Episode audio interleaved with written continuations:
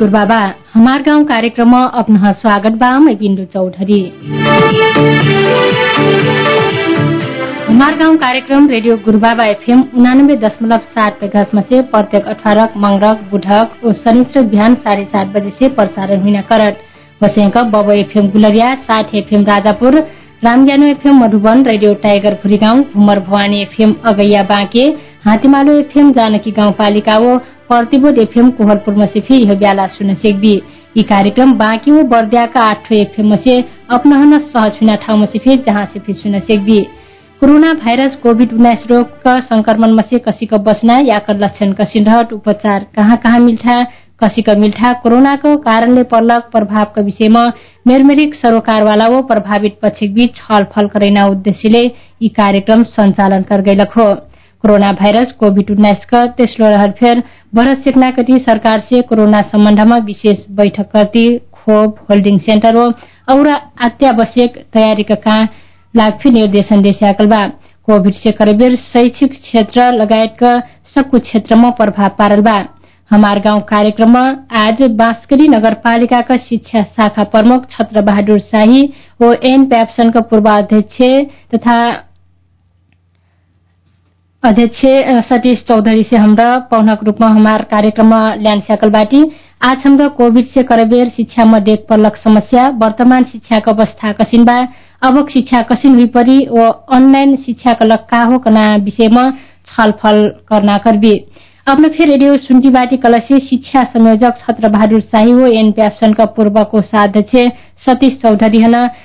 समग्र शिक्षाका विषयमा कौनो समस्या वा जिज्ञासा हुई कलसे हमार स्टूडियो फोन नम्बर शून्य चौरासी चार चार शून्य चार हो अन्ठानब्बे पाँच अस्सी उन्साठी शून्य शून्य तीनमा फोन कैका अपन प्रश्न जिज्ञासा धर सेकबी अपना ढल समस्या हमार प्रमुख शिक्षा शाखा प्रमुख जी हो एवं का पूर्वाध्यक्ष जी हमार अपना ढल प्रश्न जिज्ञासा का जवाब देने बाट हमार गाउँ कार्यक्रममा शिक्षा शाखा प्रमुख जी फे टेलिफोन सम्पर्कमा आस्याकलबाट कलसे एनप्याप्सनका पूर्व कोषाध्यक्ष हमार स्टुडियोमा बातचीत करक लाग आस्याकलबाट मै उहाँको स्वागत करूँ। सर यहाँ कार्यक्रममा स्वागत धन्यवाद। हाम्रो कोरोनाका विषय वर जोरी। यह कति कति हमार स्टूडियो को फोन नंबर में हमार शिक्षा शाखा प्रमुख छत्र बहादुर शाही टेलिफोन सम्पर्क आस्यागलबाट म उहाँ फेरि स्वागत गरौँ। हेलो प्रमुखजी यहाँलाई कार्यक्रममा स्वागत छ। धन्यवाद हजुर। हजुर म प्रमुखज्यूलाई नै यहाँलाई सुरुमै क्वेसन गर्न चाहे। अब कोरोना अहिले महामारी पहिलो र दोस्रो चरणबाट शिक्षामा यो परेको प्रभाव कस्तो छ? र यो महामारीको प्रभावपछि शैक्षिक क्षेत्र कसरी अगाडि बढिरहेको छ? खास गरी यो दुई वर्षदेखि त अब शिक्षा क्षेत्रमा एकदमै प्रभाव परेकै छ। खास गरी अब विद्यार्थीहरूमा अभिभावकहरूमा र शिक्षकहरूमा एकदमै यो कोरोनाको कारणले अब जीवन बचाउने कि जोखिममा हाल्ने भन्ने कुराहरू एकदमै चाहिँ डरलाग्दो अवस्थामा देखिएको अवस्था हो यो। त्यसपछि यो नेपालमा अत्यन्तै सङ्क्रमण बढ्दै गएको कारणले सबै चाहिँ गुप्तवासमा बस्नुपर्ने हुँदा शैक्षिक क्षेत्र अत्यन्तै तहस नहस नै भयो। त्यसो हुँदाखेरि अब अहिले बिस्तारै बिस्तारै अब यो प्रभाव कम हुँदै गएको कारणले कहीँ कतैतिर अनलाइन कक्षाहरूबाट विद्यार्थीहरूको सिकाले निरन्तर दिने कामहरू बाँसकरी नगरपालिकामा भइराखेको छ। संस्थागत र सामुदायिक दुइटै विद्यालयहरूले अनलाइन कक्षा यो दुई तिन महिना भयो उहाँहरूले सुरु गर्नु भएको छ। भौतिक रूपमा त एकदमै जटिल भयो। विद्यार्थीले सिकेको कुरा पनि बिर्सिने अवस्था भयो र भर्खरै स्कुल जानुपर्ने अवस्थाका विद्यार्थीहरूको त सिकाइ कार्यलाई पूर्ण रूपले बन्द भएको र अवरोध आएको अवस्थाहरू छ।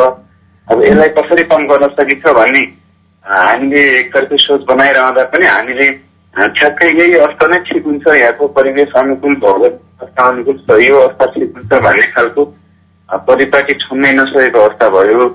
किनभने अब अनलाइनबाट शिक्षण गर्दा सबै विद्यार्थीको पहुँच पुग्न नसक्ने अवस्था देखियो। भौतिक रूपमा विद्यार्थीहरूलाई बोलाएर पढाइ गराउनको लागि सम्भव देखिएन। त्यसो हुँदाखेरि अत्यन्तै जर्जर अवस्था चाहिँ ल्याएको अवस्था हो। तथापि अब बिस्तारै केही हदसम्म अलिकता सामने हुने हो कि भन्ने खालको छाटका देखिएको छ। हामी आशावादी छौँ। अब यो ठिक समाधान भएर हामी अगाडि बढ्न सक्छौँ। यो क्वेसन अपना फेरि पूछ अनुसार अब यी कोरोनाको महामारीमा पर्लक शैक्षिक क्षेत्रमा चाहिँ अपना निजी क्षेत्रमा चाहिँ कसैको प्रभाव परिरहनु भयो धन्यवाद। यी कोरोना जुन दुई वर्ष हुइलस कोरोना यी कहरमा निजी क्षेत्र एकदमै तहसमहस हुइगेल अवस्थामा। यी अवस्थामा जुन निजी क्षेत्रकै संस्थागत विद्यालय जुन अवस्थामा से इसाइड गुजरलबाटै कि त यी अभिभावक अथवा प्रत्यक्ष रूपमा मार परल विद्यार्थी ओतरा से भी हमार निजी क्षेत्रमा जुन कार्यरत शिक्षक वस्तुकै विद्यालय सञ्चालक प्रत्यक्ष रूपमा यसमा मारमा परलबाटै यी अवस्थामा हाम्रै फेरि अब समस्या कोरोना के समस्या होला कारण से यी कौन अवस्था से जायक परल गाना हमरे फेरि अन्यमा बाटी एक तो यी कोरोना दिन प्रतिदिन अब पहिलो लहर ओराइटी सायद दोस्रो लहर सुरु हो गेल। अब फिर तेस्रो लहर सुरु हुने अवस्थामा बा। यी अवस्थामा विद्यार्थी उग्रन कौन तरीका से आगे जाइना काले से हमके केंद्रीय कमिटी के हमार अध्यक्ष कमिटी आते अध्यक्ष लगायत अन्य कमिटी हमन के कमिटी उकरे भी सरकार वाला से छलफल बाटे ये अवस्थामा गाह्रो बा हाम्रो यी अवस्था के के पार कैना एक त हमन के यी अपन ज्यान बचैना कि अथवा विद्यार्थी के भविष्य के हेर्न अथवा अपन भविष्य हेर्न बहुत जोखिम अवस्था भाइ हजुर। अब यी महामारीको अवस्थामा विद्यार्थीको कक्षा स्तर चाहिँ उन्नति त हुइटिरहल बा नै तर फेरि गुणस्तरीय शिक्षा चाहिँ पाइने च्याकल अवस्था बा। ये अवश्य थे कैसिन हुल कल से के गुणस्तर कले एकदम खसकट जाए बा।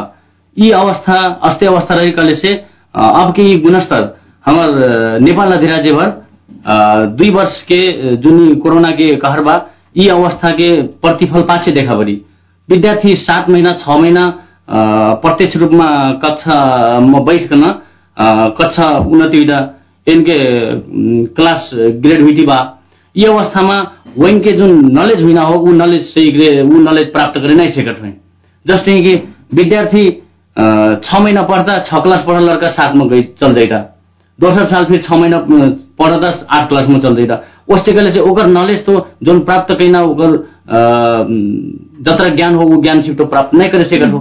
एकर कारण से यी अब्बे प्रत्यक्ष रूप बनाई प्रभावित प्रत्यक्ष रूप बनाई देखा परले से फिर यी दुई वर्ष पाछे यी देश के अवस्था शिक्षा क्षेत्रमा अवस्था एकर चाहिँ गुणस्तर शिक्षा के एकदमै नाजुक हो जाइ अब असी नाजुक त हुइटीबाट र अपना शिक्षक हुइटी नै शिक्षक एक ठो हुइल वाकला गुणस्तरीय शिक्षा जियकला त अपना गुणक जिम्मेवार मने हुइटी नि त वाकला का हुइटीबाट अब ओकर लाग हमारी नगरपालिकामा कई वही संस्थागत विद्यालय और सामुदायिक विद्यालय ऑनलाइन कक्षा सञ्चालन कर्तीबाटै ओ कोही गर्न तयारी में फेवा तर यसमा विभिन्न समस्या बा जस्तै कि कतिपय अभिभावक संग एक ठो एन्ड्रोइड मोबाइल किन्न सक्ने अवस्था पनि नै हो। कतिपय ठाउँमा नेटवर्क के समस्या बा ओ जहाँ जहाँ सञ्चालन हुइटा वहाँ दस प्रतिशत से भी धेर विद्यार्थी वहाँ चाहिँ सहभागिता जनाइ नै सकेका हुँ यी विभिन्न कारण भयो म्याम हजुर प्रमुख शिक्षा प्रमुखज्यू? यहाँ सुनिराख्नु भएको छ। हजुर अब यो गुणस्तरीय शिक्षा चाहिँ बढाउनको लागि अब हाम्रो शाखाबाट चाहिँ के प्रयासहरू भइरहेको अवस्था छ? के यो अवस्थामा चाहिँ विद्यालय लक्षित कार्यक्रमहरू के के छन्? अब यो अहिलेको अवस्थामा पूर्ववत रूपले भौतिक रूपमा नै विद्यालय सञ्चालन गर्न त असम्भव देखिन्छ होइन? तथापि अब केही विद्यालयहरूले विद्यार्थीको दस पन्ध्रजनाको सङ्ख्याका आधारमा कहीँ कहीँ बोलाएर सुरक्षित तवरले भौतिक दूरी कायम गरेर पठन पाठन सुरु गरिएको भन्ने पनि हामी सुन्नमा पाएका थियौँ। पछि प्रशासनबाट चाहिँ यो कार्य चाहिँ तत्काल बन्द गरियोस् भनिसकेपछि हामीले पुनः पनि अब यसरी चाहिँ भएन फेरि यसको जोखिम चाहिँ बढ्न सक्छ भन्ने किसिमले बन्द गर्नुहोस् भनेर आग्रह गऱ्यौँ त्यसै अनुसार चाहिँ उहाँहरूले बन्द गर्नुभएको छ। अब हामी यो भदौको पन्ध्रभित्र सबै विद्यार्थीको हातमा पचास दिने वैकल्पिक अभ्यास पुस्तिका वितरण गर्ने तयारी गरिरहेका छौँ। उक्त अभ्यास पुस्तिका वितरण गरिसकेपछि हालको अवस्थामा अठार वर्षभन्दा माथिकालाई पनि खोप आइरहेको छ। अब हामी पर्सि खोप लगाउँदैछौँ। र सबै शिक्षकले पनि खोप लगाइसकेका कारणले अब हामी अभ्यास पुस्तिका वितरण सँगसँगै टोल शिक्षण र अब कसरी त विद्यालयको सेवा क्षेत्रभित्र शिक्षण कार्य गर्न सकिन्छ विद्यालयले योजना बनाउँदैछ। सोही अनुसार चाहिँ वैकल्पिक अभ्यास पुस्तिका मार्फत विद्यार्थीले घरमै बसेर अभिभावकको सहयोगमा र टोल शिक्षणबाट हाम्रो शिक्षण कार्य अगाडि बढ्ला। अब यसले अलिकता चाहिँ ठप्प भएको शैक्षिक अवस्थालाई चाहिँ अलिकता थोरै भए पनि प्रभाव र गतिशील बनाउने हामीले अपेक्षा गरेका छौँ। सोही अनुसार हामी अब यो अन्तिम अन्तिममा छौँ तत्कालै हामी वितरण गर्दैछौँ। हजुर प्रमुखज्यू हाम्रो स्टुडियोमा एकजना श्रोता आफ्नो समस्या जिज्ञासा लिएर आउनु भएको छ म उहाँलाई एकैछिन स्वागत गरौँ। हेलो। हजुर यहाँलाई स्वागत छ। यहाँको परिचय देखेर दिएर आफ्नो समस्या जिज्ञासा चाहिँ हाम्रो प्रमुखज्यूसँग राख्न सक्नुहुन्छ। सर्वप्रथम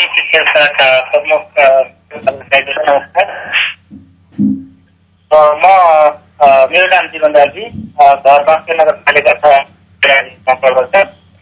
म सरलाई क्वेसन गर्न चाहेँ? विद्यार्थीहरूको एकदमै यो कोभिड र यसै गरी हाम्रो मेरो पर्छ। र अहिले यो प्लेटमा आएर चाहिँ एकदमै तहस भएको अवस्थामा हाम्रो विभिन्न स्कुलहरूमा एकदमै सरकारी स्कुलहरू भारी नपरेर एउटा गरिबको विद्यार्थीहरू पनि स्कुल रहेको छ। त्यस कारणले अनलाइन क्लास चाहिँ सुरु गर्ने अनलाइन क्लास सुरु भएको थियो र अनलाइन क्लास सुरु हुने र हुनेछ पनि भन्ने विषयमा चाहिँ मैले गाउँघरमा यताउति सुनिरहेको छु। र हाम्रो मेरो छोराहरू पढ्ने स्कुलमा चाहिँ पचासी पर्सेन्ट विद्यार्थीहरू चाहिँ यो हाम्रो दलित र सीमान्तकृत वर्ग पढ्ने विद्यार्थी विद्यालय रहेको हुनाले एकदमै इन्टरनेटदेखि चाहिँ एकदमै टाढा रहेका छन् एउटा बटन मोबाइल किन्न सक्दैनन् र त्यस्तो अवस्थाको मान्छेहरू कसरी इन्टरनेटमा बसेर अनलाइन क्लास लिने र जुन अहिले सुने हाम्रो प्रश्नवाचन चाहिँ यो भदौ कति गतेदेखि सुरु गर्ने भन्ने कुरा गर्नुभयो र कसरी हुन्छ र अनलाइन क्लास गर्न पर्यो भनेपछि हाम्रो विद्यार्थीहरूलाई चाहिँ कसरी शिक्षा दिने र अब आउँदा दिनहरूमा सरकारी स्कुलमा पढ्ने विद्यार्थीलाई चाहिँ कसरी अगाडि बढाउँदा चाहिँ राम्रो होला भन्ने जिज्ञासा मेरो रहेको छ हस् यहाँलाई धेरै धेरै धन्यवाद। हजुर अब हामीले यो समस्या चाहिँ हामीले पनि महसुस चाहिँ गरेका हौँ। किनभने अब हाम्रो समाजमा अथवा हाम्रो यो गाउँघरमा विद्यार्थीहरूको आर्थिक अवस्था कमजोर छ त्यो हामीलाई महसुस भएकै हो। अब अहिलेको हकमा तत्कालै चाहिँ अब मोबाइलको समस्या समाधान गर्न सकिने भन्ने हुँदैन। अब तथा धेरै विद्यार्थीहरू हुन सक्छन्। त्यसको चाहिँ अब लागतको हिसाबले हामीले बेहोर्न सक्ने अन्य अवस्था अहिले तत्कालै देखिन्न। अब मैले त्यो चाहिँ वैकल्पिक शिक्षा चाहिँ अब हामीले अनिवार्य गरेका होइनौँ। विद्यालयहरूले आफ्नो योजना अनुसार हामी गर्छौँ भनिसकेपछि हामीले सियुजी सिम भन्ने चाहिँ नेपाल सरकारको कार्यक्रम अन्तर्गत विद्यालयहरूले खरिद गरेर सबै विद्यार्थीहरूलाई दिने र सोही मार्फतबाट अनलाइन कक्षा चलाउने कामहरू गरेका हुन्। अब यो यो पनि सबैसँग प्रभावकारी र सबैलाई उपयुक्त हुने हामीले ठानेका छैन तथापि अब विद्यालयले सञ्चालन गर्छौँ भनेपछि हामीले गर नगर्नुहोस् भन्न मिलेन। यो भौतिक दूरी कायम र सुरक्षित तरिकाले गर्न सकिने भएको कारणले गर्नुहोस् भनेका हौँ। तथापि हामीले अब कति विद्यार्थीले अनलाइन कक्षामा सहभागिता जनाएका छन् कति विद्यार्थी योबाट वञ्चित छन् भन्ने पनि अभिलेखहरू विद्यालय राखिरहेको छ। त्यस कारणले सबैको पहुँच पुग्ने र सबैलाई प्रभावकारी हुने प्रवि के अरे विकल्पका रूपमा हामीले अभ्यास पुस्तिका छपाई गरिसकेका छौँ। अब यो अभ्यास पुस्तिका छपाई गरिसकेपछि यस अभ्यास पुस्तिकाले कुनै लगानी माग्दैन र कसैलाई पनि यसले भेदभाव जस्तो पनि व्यवहार हुँदैन। सबैका हातमा पुग्छ र सबैलाई समान किसिमले यो प्रक्रिया चाहिँ अगाडि बढ्छ। त्यसका लागि सहजीकरणका लागि शिक्षकहरू टोल टोलमा जाने र अभिभावकलाई पनि सहजीकरण गर्ने भएको कारणले यो अनलाइन कक्षा चाहिँ ठप्प भएको बेला हामीले के नै भयो केही भए पनि सुरु गरौँ भनेको हो। यो हाम्रो अनिवार्य शर्तको रूपमा होइन। हामी चाहिँ अभ्यास पुस्तिकालाई सबैलाई अनिवार्य रूपमा अगाडि बढाउनेछौँ अब उहाँले भनेको समस्या पनि योबाट समाधान होला। अब यदि यो वर्ष पनि सबै पुरै यो काम नै बन्द हुने भयो भने कहीँ कतैतिर मोबाइल सेटहरू पनि वितरण गरिएको छ। अब हामी विकल्पमा केमा पनि जाँदैछौँ भने कम्तीमा सबै ठाउँमा रेडियो पुग्छ भने रेडियोबाट पनि जानुपर्छ कि भन्ने विकल्प छानिरहेका छौँ। त्यो गर्दाखेरि अब हजार पन्ध्र सयको मोबाइल सेटबाट पनि एफएम चाहिँ बज्ने रेडियो बज्ने विकल्पहरू आउन सक्छ। अब एन्ड्रोइड मोबाइल किन्ने अवस्था त अब धेरै अभिभावकको छैन। अनलाइन कक्षामा भिडियो मार्फत गर्न सक्ने समस्याहरू समाधान गर्न अलिक गाह्रो छ। अभ्यास पुष्टि गरेर रेडियोको विकल्प हामी यसपछि छान्न सक्छौँ। सर यी निजी क्षेत्रमा न निजी विद्यालयमा चाहिँ असिम समस्या अनलाइन के पहुँच मिलक समस्या बाँकी नै कसैको चाहिँ समस्या त एकर बहुत धेर बा। जस्तै कि हामीले फे एकर छलफल कैली जिल्ला कमिटी बैठ के हामीले कैसे जैन हो सरकारी विद्यालय अथवा सामुदायिक विद्यालय स्टार्ट कैन अथवा शुरू कैन अवस्थामा आगेल बा। एमा हमरे निजी क्षेत्र के जुन संस्थागत विद्यालय बा हमरे फिर संचालन करिकन योजनामा बाटी हाम्रा बाँसगढी नगरपालिकामा पन्ध्र ठो संस्थागत विद्यालय बा एमा हाम्रो चार विद्यालय मावि विद्यालय हो बाँकी एघार थो समु आधारभूत विद्यालय बा तर यी अनलाइन कक्षा सञ्चालन कैले छ एक त विद्यार्थी उग्र पूर्ण सहभागिता नै होइन। एकरमा काबिल कल से दस प्रतिशत पन्ध्र प्रतिशत विद्यार्थी जे पहुँचमा बा ऊ कोर्स अन्य बाँकी विद्यार्थी त शिक्षा से वञ्चित होइन अवस्था बा। यी कारण चाहिँ हमन के अवस्था हमन के एक निर्णय काबा से सकेसम्म हामीले चाहिँ जबसम्म सेक्ले से भौतिक अवस्थामा नै सञ्चालन करे सेक्ले से बढिया हुई कहना चाहिँ अवस्था हो। एकर यी एकर बारेमा चाहिँ हामीले एकदमै बाटी तहस नहस अवस्था स्थिति बा। हालै चाहिँ हामीले कहीँ नसक्ने चाहिँ सञ्चालन करे सक्ने अवस्था भी नै। हजुर। हमारे स्टूडियो टेलीफोन में एक जना श्रोता आ रहा मैं वहाँ स्वागत करूँ हेलो। हजुर हजुर। हेलो हजुर नमस्कार। हजुर नमस्कार। यहाँको परिचय दिएर आफ्नो समस्या जिज्ञासा राख्न सक्नुहुन्छ। हजुर। हेलो। हजुर भन्नुहोस् यहाँको जिज्ञासा समस्या के छ? पहिला म आफ्नो परिचय दिन चाहन्छु भाइ मेरो नाम जगतबहादुर टोकरी हो। नगरपालिका चार अस्ट्रेलियाबाट हो। हजुर। म खासै के भन्न चाहन्छु भने सरलाई हाम्रो यो गाउँमा सबै बजार सहरमा सहरतिर अनलाइन क्लास चालु अहिले हाम्रो यता गाउँ गाउँघरतिर अनलाइन क्लासको समस्या अनि किन त्यो अनलाइन क्लास छैन अहिले? बच्चाहरू घरमै बसेर के अरे किताब मात्र लिएर बसिरहेको छ अहिले। त्यो समस्या सरलाई म दर्शाउन चाहन्छु त्यही हो भन्नु खोजेको म हस् धन्यवाद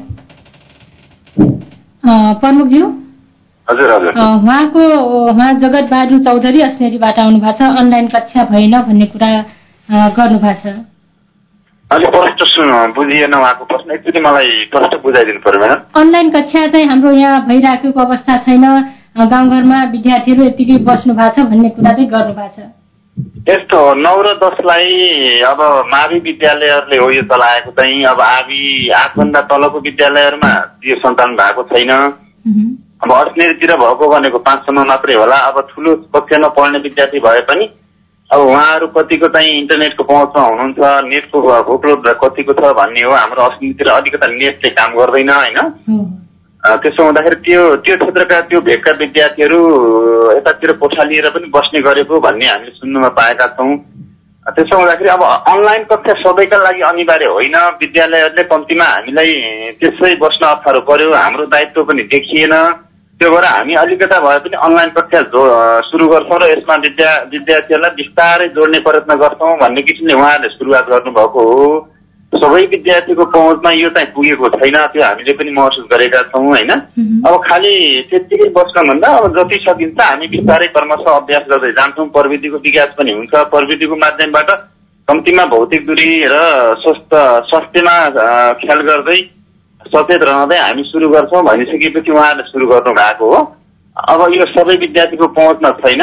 अब हामीले भनिसक्यौँ अभ्यास पुस्तिका सबैको पहुँचमा जान्छ। अब यदि भोलि वैकल्पिक शिक्षा अनलाइनबाटै गर्नुपर्ने भयो भने यसको विकल्पका रूपमा हामी रेडियो र अन्य कुनै अब उहाँहरूले अभिभावकले पनि यसमा अलिकति ध्यान चाहिँ दिनु पर्यो। किन भन्दा अब सबै ठाउँमा इन्टरनेटको पहुँच पुगाउन अहिले कक्षालाई हामी सक्दैनौँ। त्यो त्यसो हुँदाखेरि उहाँहरूले पनि विकल्प त आफूले पनि छान्न पर्छ। कसरी चाहिँ अनलाइनको उसमा हामी जोडिन सक्छौँ भन्ने किसिमले उहाँहरूले पनि अलिकति प्रयत्न चाहिँ गर्नु पर्यो। अब हामी कहाँ कहाँ कस्तो कस्तो खालको समस्याहरू छ त्यो तथ्याङ्क पनि बिस्तारै विद्यालयलाई सङ्कलन गर्नलाई हामीले अनुरोध गरिरहेका छौँ। भोलिको दिनमा अनलाइन नै चल्ने भयो भने त्यसको विकल्प हामी यो हो भन्ने किसिमले निर्णय गरेर जान सक्ने स्थिति होला। र अहिले तत्कालै सबै विद्यार्थीको पहुँचमा चाहिँ अनलाइन शिक्षा पुगाउन चाहिँ अलिक गाह्रो चाहिँ छ। हजुर। जुन यो वैकल्पिक अभ्यास पुस्तिका छपाएको काम भइरहेछ भन्नु पनि अब भनौँ पन्ध्रदेखि वितरण गर्ने। यसमा यो पुस्तिका अभ्यास पुस्तिकामा चाहिँ के के विषयहरू समेटेको छ र कति कक्षादेखि कति कक्षासम्म चाहिँ यो पढ्न मिल्ने अभ्यास गर्न मिल्ने हो सर? हामीले एकदेखि दससम्म नै छपाई टुङ्ग्याउन थालिसकेका छौँ। अब अहिले चाहिँ हाम्रो एकदेखि चारसम्म छपाई गरेर भ्याइसकेको छ। ब्यान्डिङ पनि भएर उहाँहरूले हामीले अब लिनका लागि उपयुक्त भयो भन्नुभएको छ। नौ र दसको चाहिँ अब छाप्न अझै पनि एक दुई दिन लाग्न सक्छ होइन? त्यसमा चाहिँ पचास दिनसम्म विद्यार्थीहरूले किताब हामी सबै विद्यार्थीको हातमा किताब पुर्याइसकेका छौँ। त्यो किताब चाहिँ अभिभावकको सहयोगमा उहाँहरूले अध्ययन गर्नुहुन्छ र त्यसैको आधारमा त्यसमा अभ्यास पुस्तिकामा हामीले केही चाहिँ अभ्यासहरू गरेका छौँ विद्यार्थीले सजिलै गर्न सक्ने अभ्यासहरू गरेका छौँ बनाएका छौँ। त्यो अभ्यास पुस्तिका विद्यार्थीले घरमै बसेर त्यसमा अभ्यासहरू गर्छ। त्यसको सहजीकरणका लागि शिक्षकहरू घर घरमा पुग्छन्। या त कुनै टोल पाँच दसजना विद्यार्थी जम्मा गरेर टोलमा हुनसक्छ अथवा कुनै चोकमा हुनसक्छ अथवा विद्यालयमै पनि उहाँहरूले कहिले काहीँ हप्ताको एकपटक त्यसरी बोलाउने खालको परिपाटी विद्यालयले योजना निर्माण गर्छ। सोही बमोजिम विद्यार्थीहरूले अभ्यास त्यो गरेर बुझाउँछ शिक्षकहरूले त्यसमा सहजीकरण गर्छन् र भोलि त्यसैका आधारमा मूल्याङ्कन गर्ने पनि हामीले आधार बनाएका हुँदाखेरि त्यो चाहिँ हाम्रो एकदम प्रभावकारी होला जस्तो देखिएको छ। अब हामी अन्तिम अन्तिम तयारीमा छौँ त्यसको। अब यो सर गुणस्तरीय शिक्षाको आवश्यकता यो भनिरहेको बेला सरकारी विद्यालयका यो शिक्षकहरू चाहिँ आफ्ना छोराछोरी बोर्डिङ स्कुलमा पढाउने होइन? गरिबका यो छोराछोरी चाहिँ अब आफूले पढाउने पनि जुन गरिरहेको अवस्था छ यस्तो अवस्था यो सरकारी स्कुलका शिक्षकहरूले नै चाहिँ यो गुणस्तरीय शिक्षा दिन्छु भनेर नै आत्मविश्वास नभएको पनि देखिन्छ। यो चाहिँ कसरी गुणस्तरीय शिक्षाहरू दिनु भएको छ भन्ने लाग्छ? यस्तो हुन्छ शिक्षा क्षेत्र भनेको सबैभन्दा समाजको बुझ्ने वर्ग जोडिएको पक्ष हो। त्यसो हुँदाखेरि अब यो चाहिँ बाध्यात्मक अवस्था चाहिँ होइन। किन भन्दाखेरि अब संस्थागत विद्यालयहरू पनि हाम्रै समुदायमा छन् सामुदायिक विद्यालयहरू पनि हाम्रै समुदायमा छन्। शिक्षा क्षेत्रमा लागेको मान्छेको उच्च नैतिकता हुन्छ बौद्धिकता हुन्छ सबै बुझेको हुन्छ होइन? त्यसो हुँदाखेरि उहाँहरूलाई के खाल कस्तो खालको विधि बनेको छ कार्यविधि र नियम के छ भन्ने कुरा पनि उहाँहरूलाई जानकारी नै हुन्छ। त्यसो हुँदाखेरि अब संस्थागत सामुदायिक विद्यालयमा आफूले पढाउने संस्थागत विद्यालयमा छोराछोरी पढाउने यो व्यस्त नेपालभरिकै समस्या हो। अब हामीले बाध्यकारी अवस्था सिर्जना गरेर ल तपाईँहरूले अनिवार्य रूपमा सामुदायिक विद्यालयमा नै पढाउनुहोस् भन्ने किसिमको हामीले चाहिँ त्यसरी उहाँहरूलाई बाध्य बनाएर जान सक्ने अवस्था चाहिँ तत्कालीन अवस्थामा अहिले छैन। अब कहीँ कतैतिर पालिकाले निर्णय नै गरेर त्यसरी गरेको छ। अब हाम्रो यहाँको हकमा चाहिँ हामीले उहाँहरूलाई नैतिक प्रश्नको रूपमा चाहिँ उठाइरहेका छौँ। विगतमा पनि यो सामुदायिक विद्यालयमा पढाउने शिक्षकहरूलाई पुरस्कृत गरिएको अवस्था छ बाँसगढी नगरपालिकामा। आगामी दिनमा पनि हामी बिस्तारै उहाँहरूलाई प्रेरित गर्छौँ नै।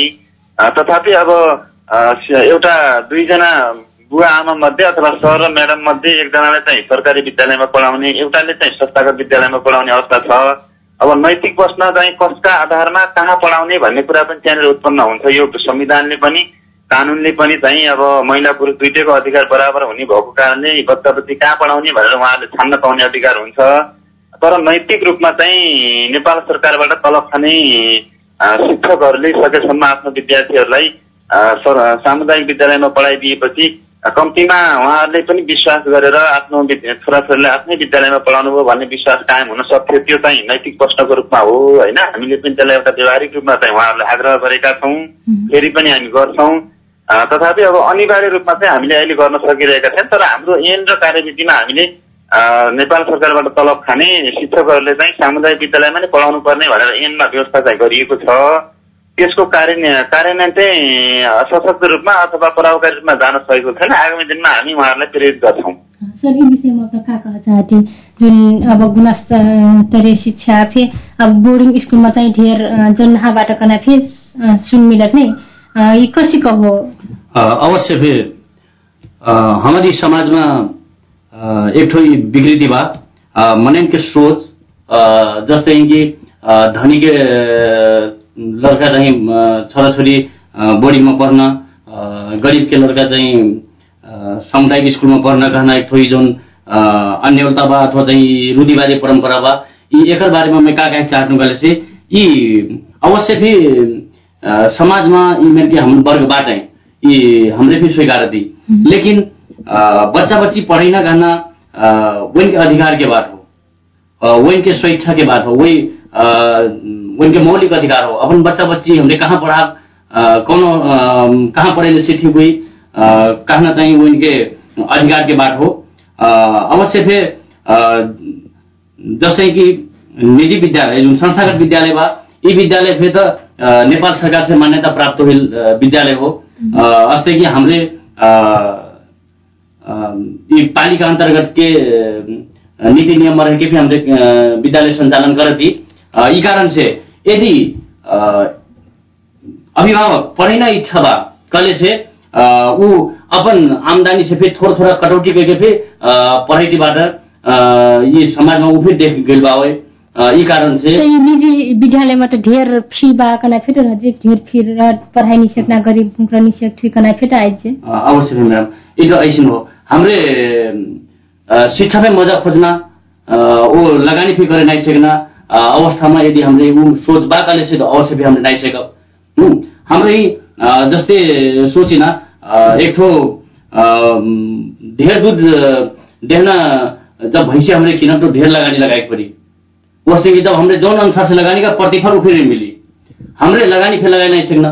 आज हमरे एक हेरी ना डॉक्टर के छोड़ छोड़ी डॉक्टर बुनल बा वो हमन के हाथ पकड़ती से पाँच सौ रुपया ले। एंट्री करे से पहले पाँच सौ रुपया। का करके वो अनुसार से लगानी के ऊपर ले बावे। वो आज एक ठो एमबीबीएस पढ़ना चालीस लाख रुपया धरोटी देके पढ़ले अवस्था बावे। तो वो अनुसार से लगानी करके जैसे के बा अभी हमार समाज में खाली अन्यता छाइल बा। अब सेकल अभिभावक हेरी फॉरेन कंट्री में ले जाके थे अपन बाल बच्चा पढ़ाई थे ये अवस्था बा अवश्य भी हमरे जौन अनुसार से शिक्षा देती वो अनुसार से हमन के फिर फिर भी बा एमा हमरे नेपाल सरकार के नीति नियम भीतर हमरे बैठ के विद्यालय संचालन कर थी ओकर अनुसार से हमरे फी फिर त्यही कमरी अब मासिक फी लेलक फेरि सुन मिलत नि त अभिभावक हुकन के गुनासो दोसै शिक्षक हुकन फेरि अलग नि पहिला गुनासो सुन मिलत ये पढ़ाई संचालन नि मिलक फी लेलक फी सुन मिलत का हो अवश्य ये मैं नेपाल अधिराय भीतर के बात नहीं करम लेकिन बर्दिया जिला भीतर के हमन के इससे पहले सावन के पंद्रह मीटिंग बैठल रहा ओमा चाहिँ यी उठल रहे बाहिर बाहिर से ई मेरे को लास्ट फाइल बगाला से हमारा अध्यक्ष सर कहने यदि यी अवस्थामा यदि कहीँ कतै कुनै विद्यालय अगर लेहले फी कले से हमन थन प्रत्यक्ष रूपमा ओकर जानकारी आइ पड़ल अवश्य भी हमरे बैशाखसम्म के कक्षा संचालन कैले बाटी बैशाखसम्म के फी संस्थागत विद्यालय लेले बा बर्दिया जिल्ला के हकमा और चाहिँ बाहिर हल्ला कैन यो चाहिँ वायत हल्ला हो। ये अब ये ऑनलाइन कक्षा बाजी ऑनलाइन कक्षा हमारी बाँसगढ़ी नगरपालिकामा नेशनल व्याक्सन अन्तर्गत के विद्यालय अभी चलेन सोचमा बाटे लेकिन अभी शुरू चाहिँ नहीं खेले ये ऑनलाइन कक्षा पढ़ेले से चाहिँ का फाइदा हुई? घर बैठल विद्यार्थी कन चाहिँ कुछ हुई कि? अब फाइदा त नहीं हुईले से कुछ न कुछ तो अवश्य भी हुई लेकिन अगर जस्तै चुनौती कुछ फायदा फेबा तो चुनौती फेबा अब घरे बैठले से लड़का कुछ न कुछ नॉलेज प्राप्त करनी अवश्य थे वो एक तो फायदा की विषय हुई। अगर चुनौती बा एक तो मोबाइल नहीं रहना नेटवर्क नहीं रहना यानी कि एक प्रत्यक्ष प्रभाव त टेक्नोलॉजी से जोड़ना एक तो अवसर त पही लेकिन एक प्रभाव त पाछे भी देखाई।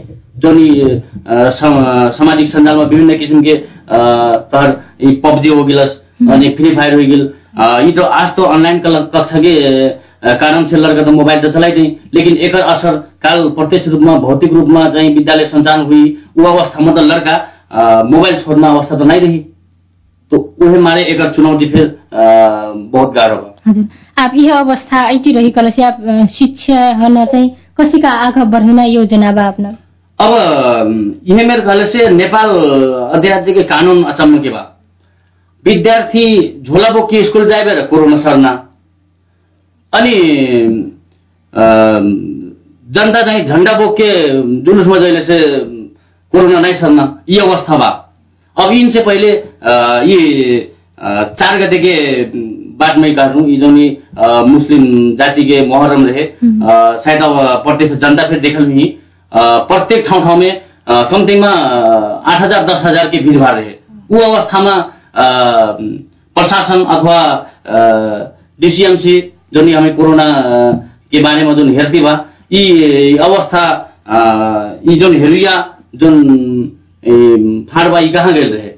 अस्ते कि बर्डर चाहिँ खुल्ला हुइल अवस्थामा अनि बर्डर खुल्ला अवस्था होइन अनि चाहिँ यहाँ लकडाउन कहिके विद्यार्थी चाहिँ झोला बोक्ने कोरोना सर्ना कारण यी मेरे एक ठो हमार समाजमा अथवा चाहिँ हमारी नेपाल सरकार के ये रणनीति हो कि राजनीति हो कहना ये हमरे भी अंडर बाटी ये अवस्था में अभी का कैसिन कार्य प्रयोग करने कैसिन के हुई ये सकेसम्म भौतिक रूपमा दुई चार दिन हुई हाम्रो के अब संस्थागत विद्यालयमा थोरै थोरै लड़का फेर चाहिँ हामीले दस जाने पन्ध्र जाने से भौतिक रूपमा सञ्चालन गरे पहिले से हाम्रो चाहिँ एकदम मजा रही चाहिँ धारणा हस् प्रमुखज्यू हामी कार्यक्रमको अन्त्यमा आइसकेका छौँ। अन्त्यमा चाहिँ अब हाम्रो शिक्षा शिक्षालाई चाहिँ कसरी अगाडि बढाउने योजना छ यहाँको छोटकरीमा बताइदिनुहोस् न। अहिले अब हामीले त्यही वैकल्पिक विधिबाट नै हामी अगाडि जाने तयारी गरिरहेका छौँ। अब यो बन्दको बेलामा हामीले विद्यालयका आन्तरिक योजनाहरू निर्माण गर्नुहोस् भनिरहेका छौँ तथ्याङ्कहरू निर्माण गर्नुहोस् भनिरहेका छौँ र अब आगामी दिनमा सबै विद्यार्थीको पहुँचमा पुग्नका लागि हामीले वैकल्पिक विधिबाट कुन कसरी जान सक्छौँ तपाईँहरूले आफ्नो विद्यालयको सेवा क्षेत्रमा त्यसरी चाहिँ कामहरू गर्दै गर्नुहोस् भनेर हामीले चाहिँ बनाइरहेका छौँ भनिरहेका छौँ। अब हाम्रो अहिलेको अन्तिम विकल्प भनेकै त्यही वैकल्पिक अभ्यास पुस्तिका वितरण नै हो। त्योभन्दा अर्को विकल्प हामीले अहिले तत्कालै सोच्न सक्ने स्थिति पनि छैन र सोचेका पनि छैनौँ।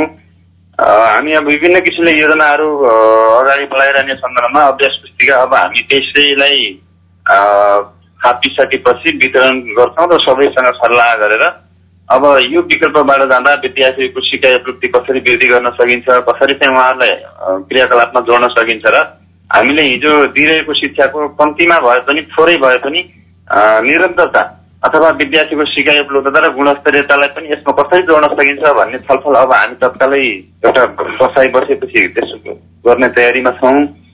त्यसो हुँदाखेरि अब यसबाट चाहिँ गुणस्थिरता भने पनि उपलब्धि भने पनि अथवा सिकाइ सहजीकरण भने पनि हाम्रो विकल्प यही मात्रै हो। हामी यसलाई नै कसरी प्रभावकारी बनाउन सकिने कसरी उपलब्धिमूलक बनाउन सकिने भन्ने सोचका साथ अगाडि बढ्नेछौँ म्याडम योभन्दा अर्को विकल्प हामी तत्कालै अहिले सोचेका छैनौँ।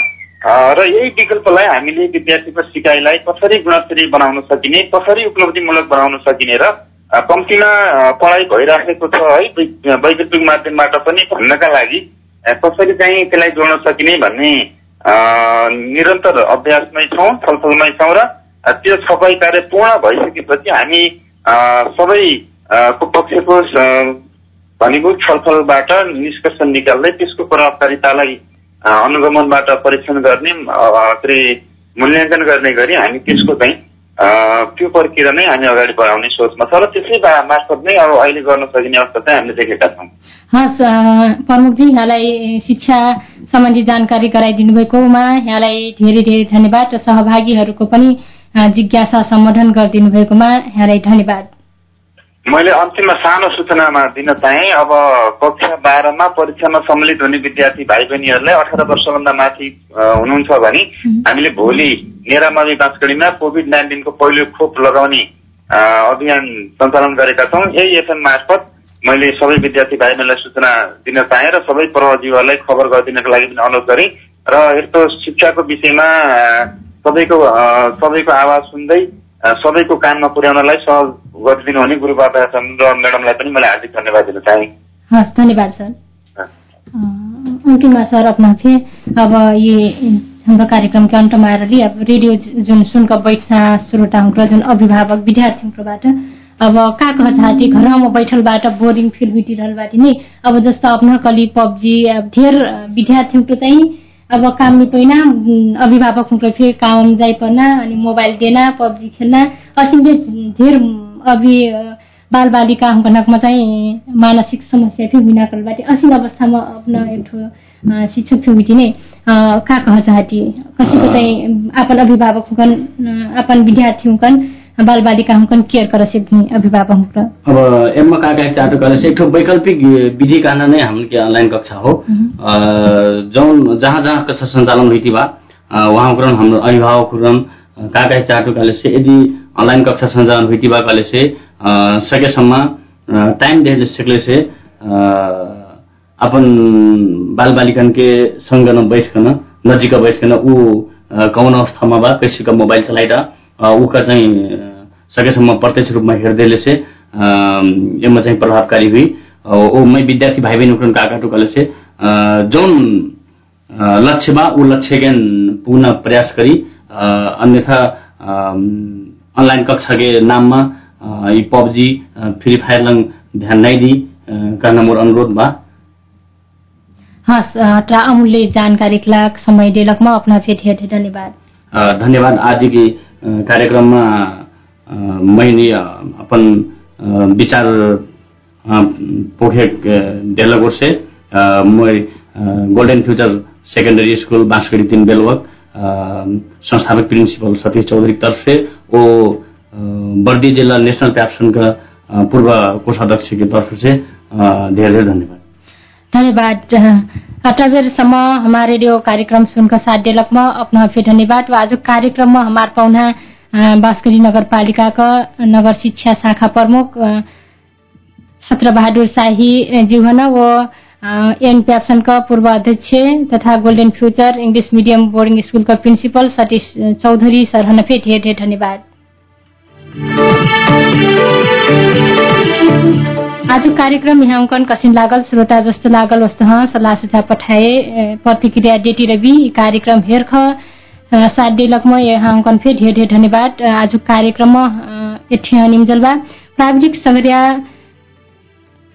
अनुज थारू बाँकी बर्दियाका आठ एफएमको प्राविधिक सङ्घर्या अंकन सङ्ग मै बिन्दु फे बिदा हुइटु। जय गुरु बाबा